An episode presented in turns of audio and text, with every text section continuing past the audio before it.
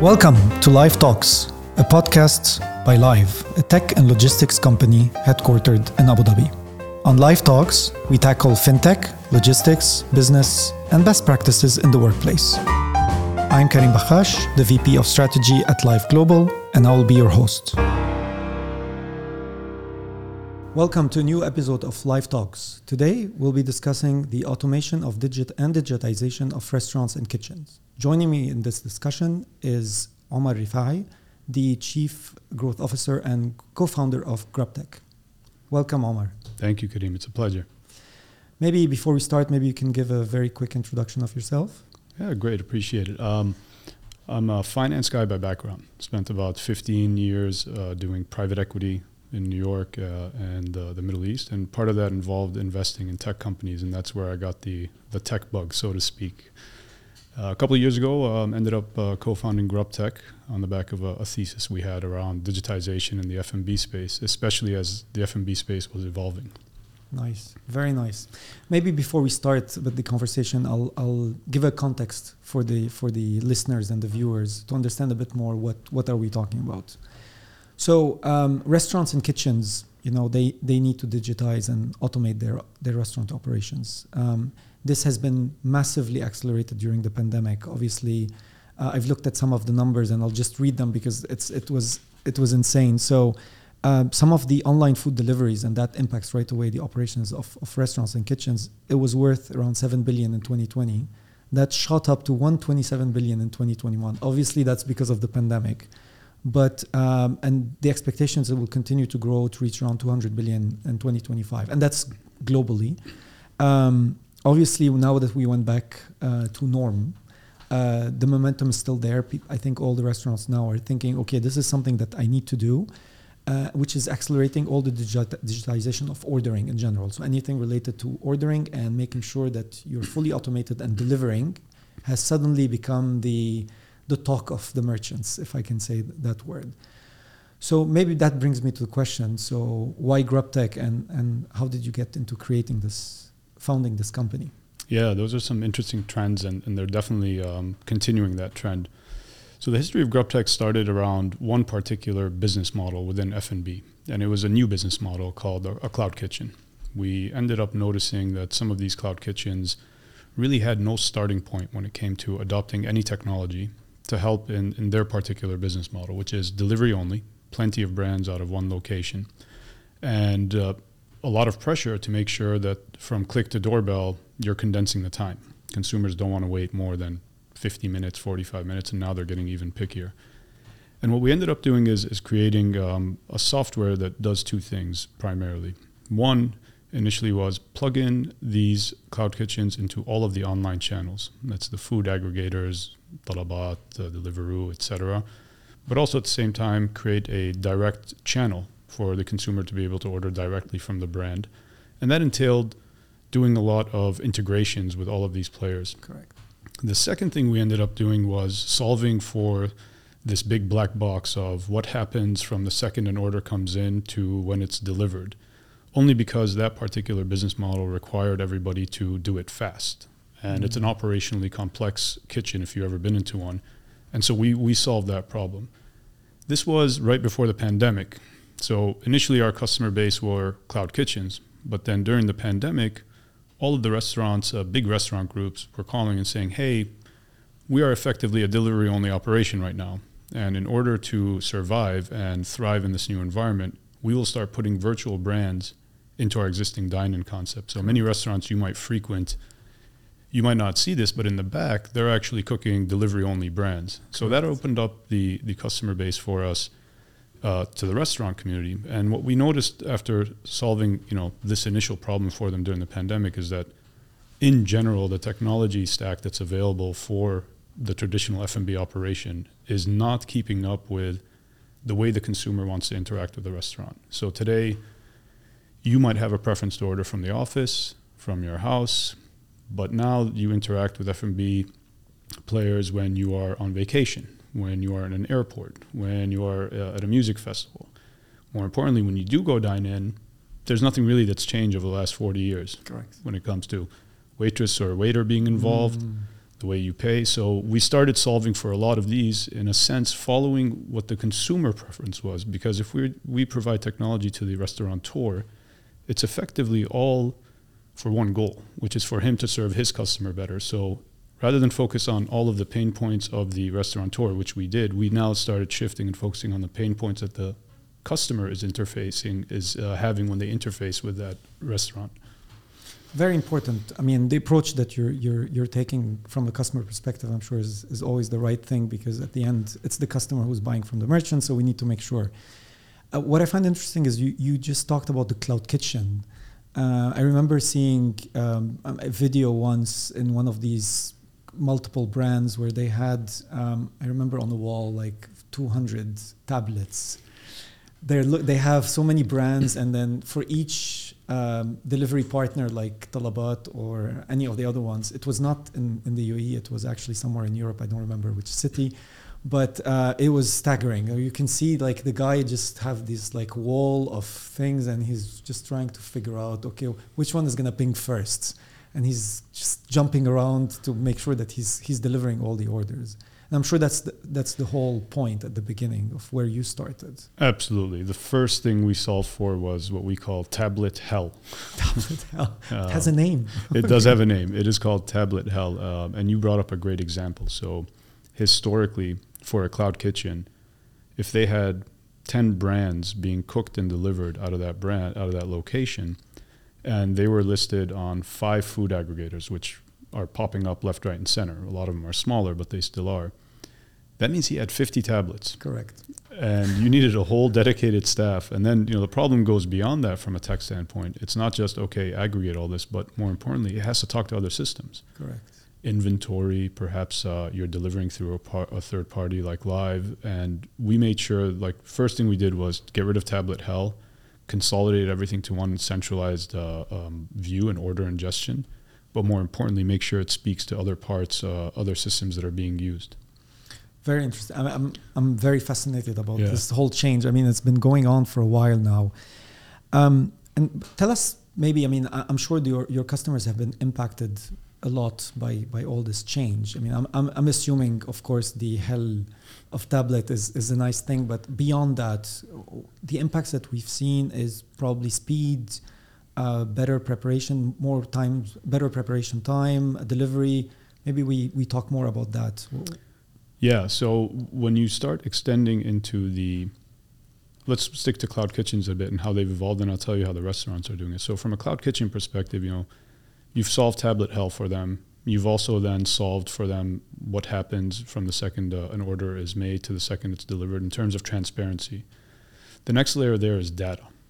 They need to know what's happening. Um, and for them, that's how they become more efficient. You can only improve what you measure, so to speak. So w- we're going into that field, and there are more and more layers of efficiency. So, for example, we launched food cubbies recently. Okay. Uh, we've been experimenting them with a couple of, of customers like Talabat, for instance, and Majid Al Futtaim in one of their malls, but now we're going uh, uh, larger with it. The dispatching area of a cloud kitchen, right, at lunchtime, you still have plenty of drivers coming in to pick up all these brands. It becomes chaotic.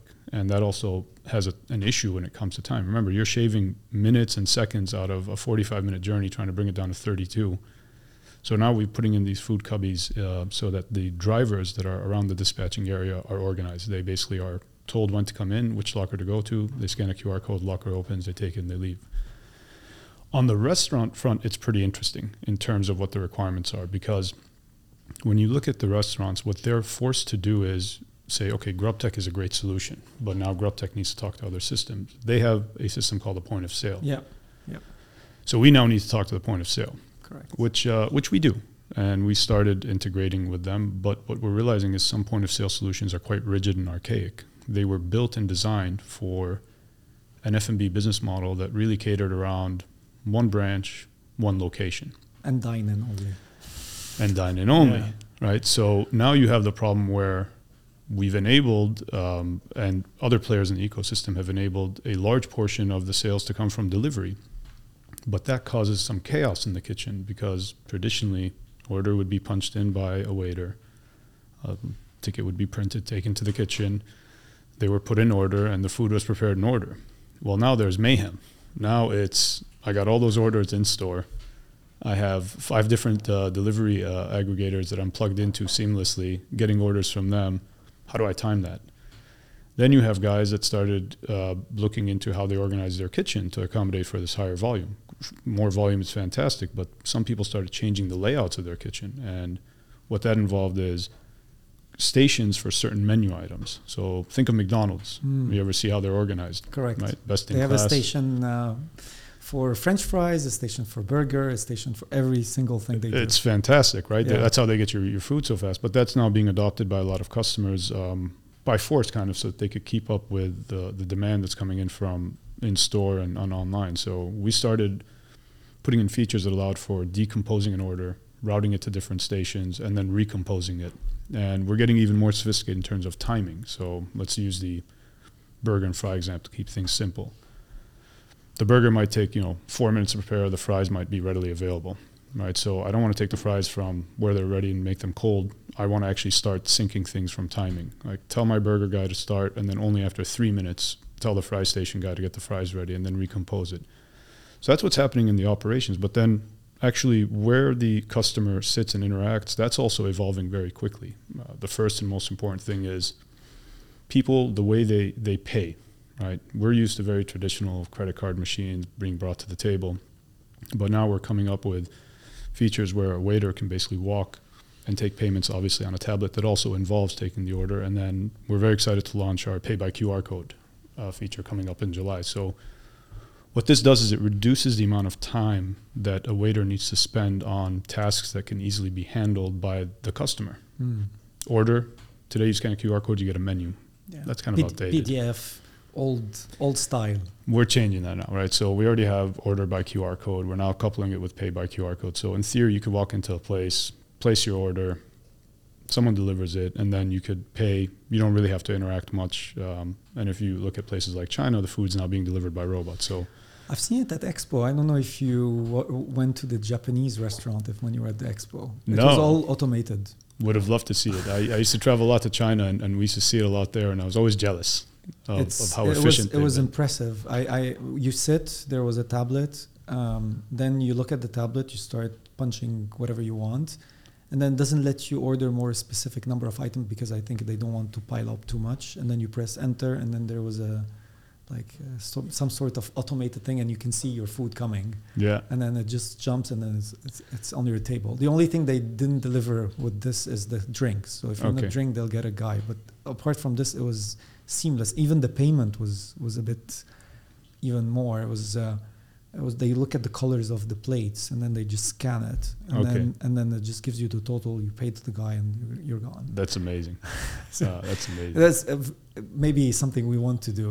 Probably they're already there and we're just looking behind. Yeah, no, we're striving for that. We want that. Uh, in your example, for instance, we don't see a need for tablets anymore in restaurants. Your phone, correct. that's all you need. Correct. The only thing I, I, I've noticed is um, I was at a couple of restaurants uh, lately where there is a QR code. Um, and I wanted to use it. So I QR code, it was a menu. I, was, I started, to- so the waiter comes, he's like, no, no, no, no, it's okay. I'm, I'm going to punch it on my tablet. I think, but there's the QR code. He's like, no, because it takes more time. And he's just starting to get me excuses. Not sure what was happening there.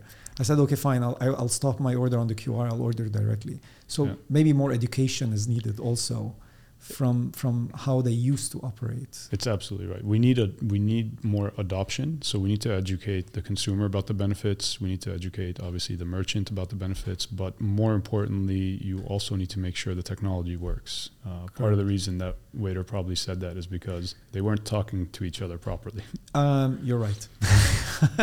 I did dig deeper in it because I was very interested. I was like, "Can you tell me what's wrong?" He's like, "Oh, but the system is not integrated. So if I punch it here, someone else is going to have to punch it again, and then it will be delayed. Or the kitchen is not going to get the information." I said, "Okay, fine. Let's remove this." But then it, it beats the purpose of having QR codes. So I said, like, Absolutely. remove the QR codes if you're not ready. And to add on that, uh, this is you know one of the the way the issues that the merchant is having is you have a lot of these technologies coming out in isolation. So there are guys Exactly. that pay by QR code alone. There are guys that give you the point of sale loan. Then there are other guys that sit on top of it, and then you have some guys that are trying to do delivery management.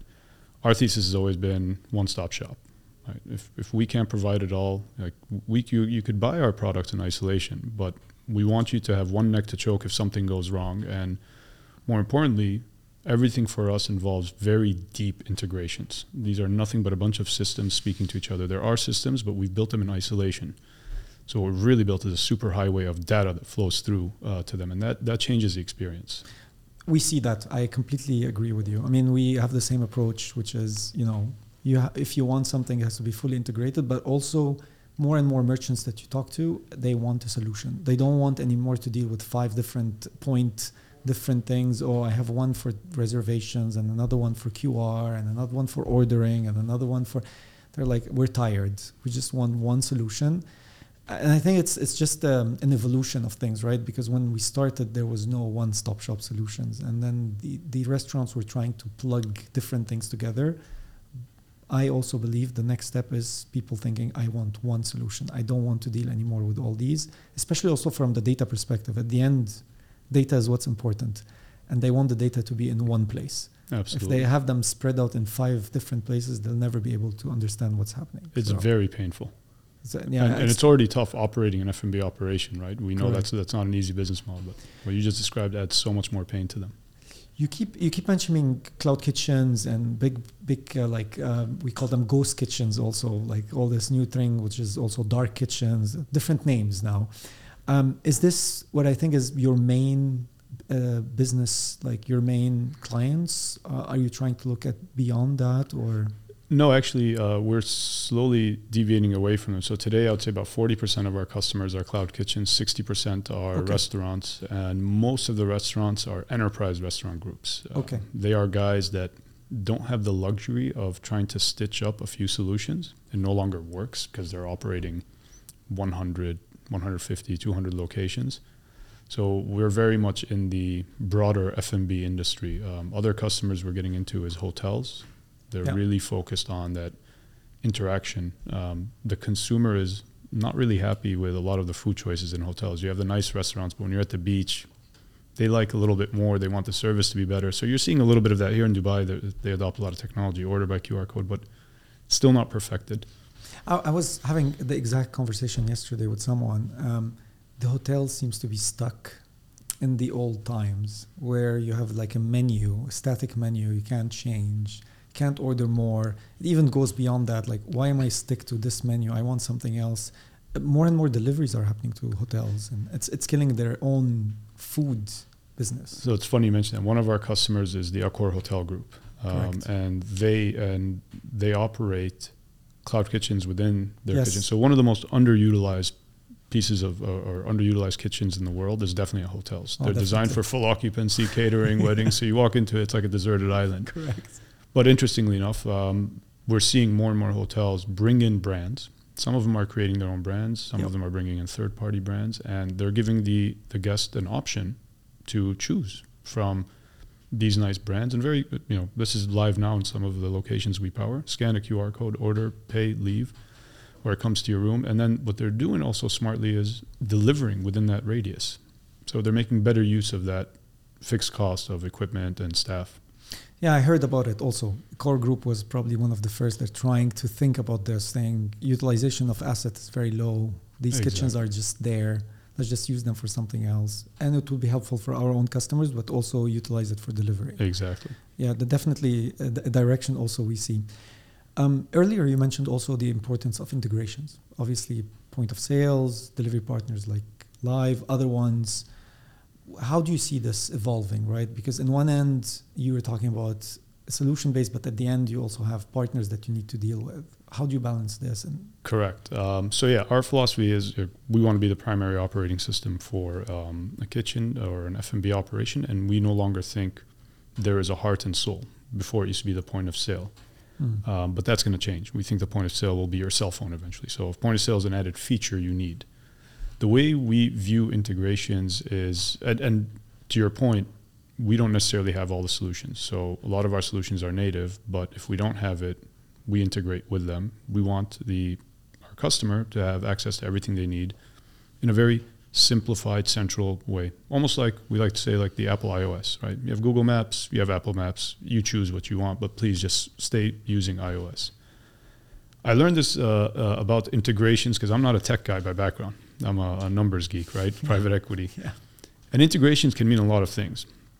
Uh, there's a lot of information that flows when you integrate with someone. So the first thing is we never claim we have an integration until it's fully bidirectional. Why is that important? Because you could sit there and speak and scrape data from someone and say, "Oh, I'm integrated with them.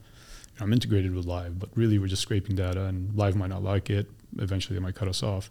Or you could do it's a real bidirectional information. So information is flowing two ways, but more importantly, what information is flowing? That's another very important thing because if you have a limited amount of information flowing between um, the, the two systems from an integration, it has a lot of other limitations. So we spend a lot of time getting deep, thorough pipes into other systems so that things don't break down. There's a lot of stability and information flows perfect. More effort, though. Much more effort. Um, a lot of uh, tech companies or a lot of similar companies would try to cut corners on this one, claim integrations with 50, 60, hundreds of, of other companies.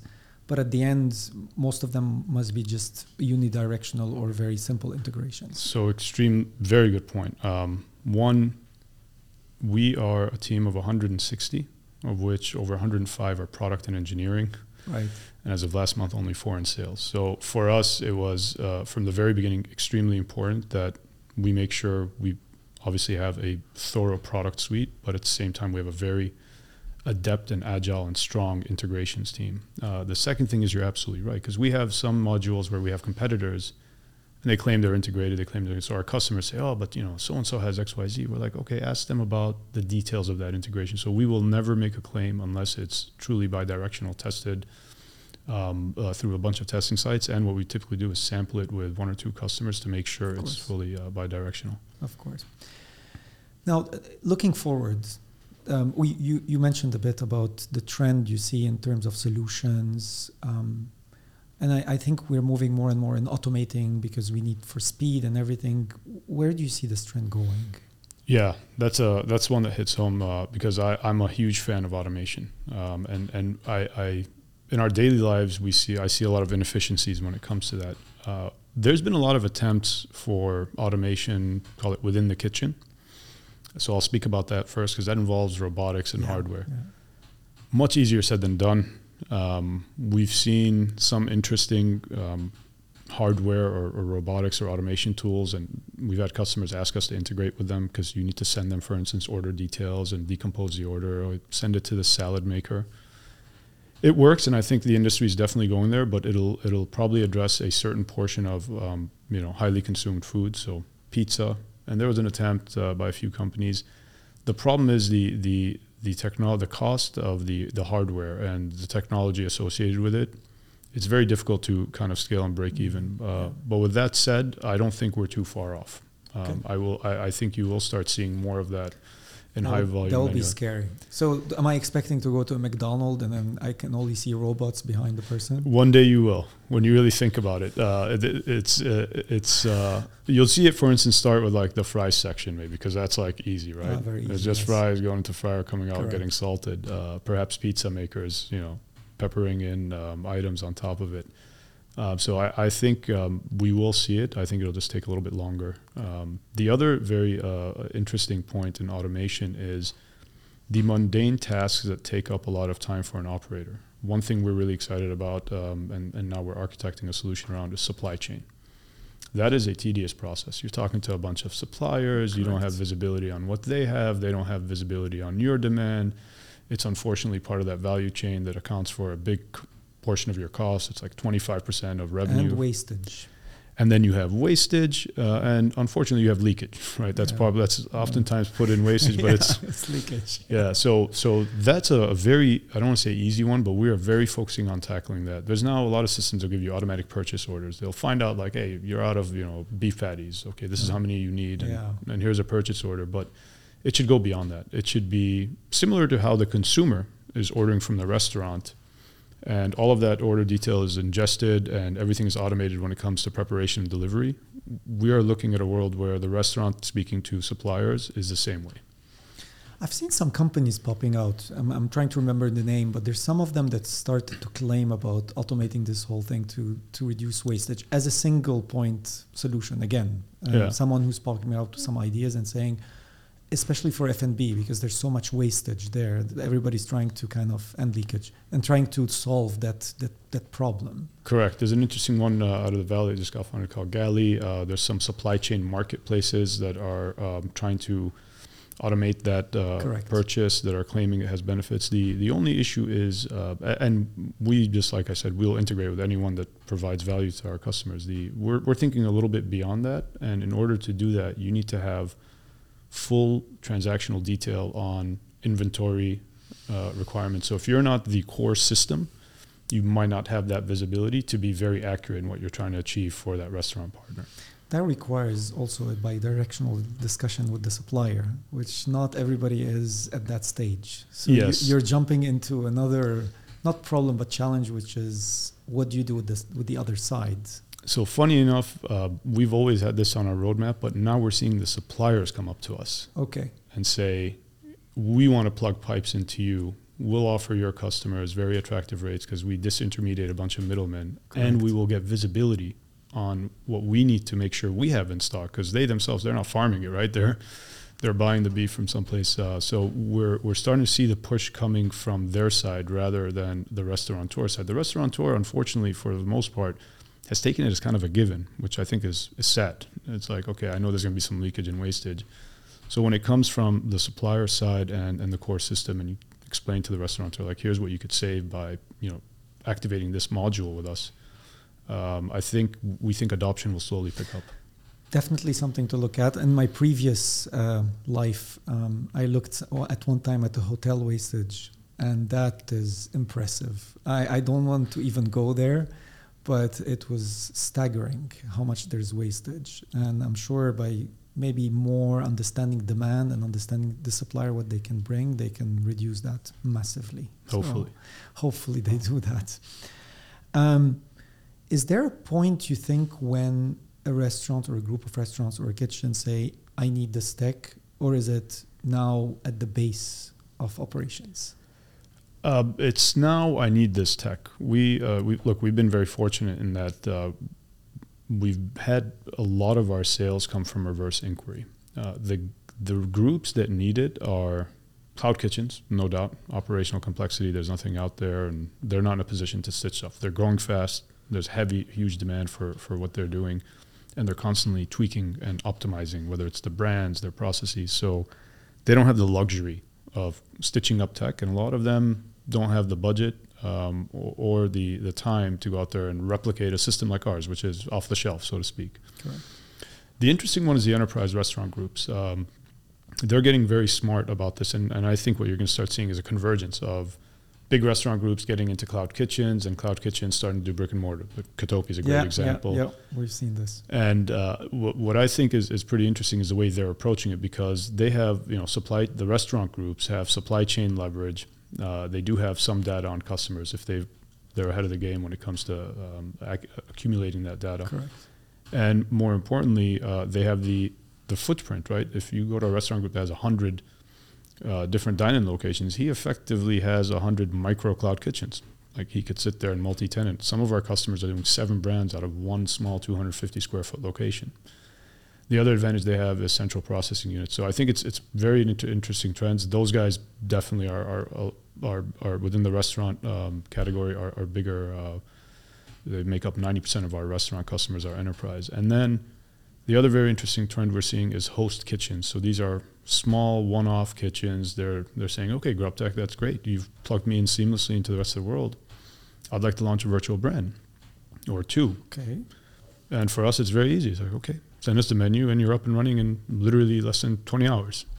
Those guys, they're starting to to understand this. I see a world where in about five years, you will not be able to justify running a one brand dine-in location only and an area that has some urban density. It just doesn't make sense because the opportunity is is all there. You could sell online. You could put virtual brands that you deliver. So you'll start seeing a lot of them also getting into that game as well.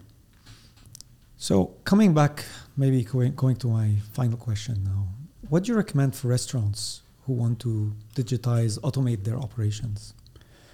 I recommend they absolutely start looking into it and not be intimidated by any change management if they're a large group, and to pay special attention to what their consumers want. The, the, the consumer preference for how they interact with the restaurateur is changing at a fast pace, and, and that's why at the beginning I said we're adapting in the same way when it comes to our product roadmap. At some point, a differentiator is accommodating what the consumer wants, and all of the technology that's available out there in the F&B industry we think GrubTech is one of the best ones, but irrespective, all of that is going to help you serve your customer better. Definitely start looking into it. You, you need to adapt to how the consumer is changing, and it's only upside, and it's definitely not a difficult proposition relative to what you may think it is. Great. It was great having you. Thank you for joining us today, Omar. Uh, it was a pleasure for me. I, li- I really enjoy this topic all the time. It was my pleasure. Thank you for the insightful questions. Excellent. Thank you. Thanks. So, thank you all the viewers and the listeners being with us, and see you next time on the next episode of Lyve Talks. Thank you.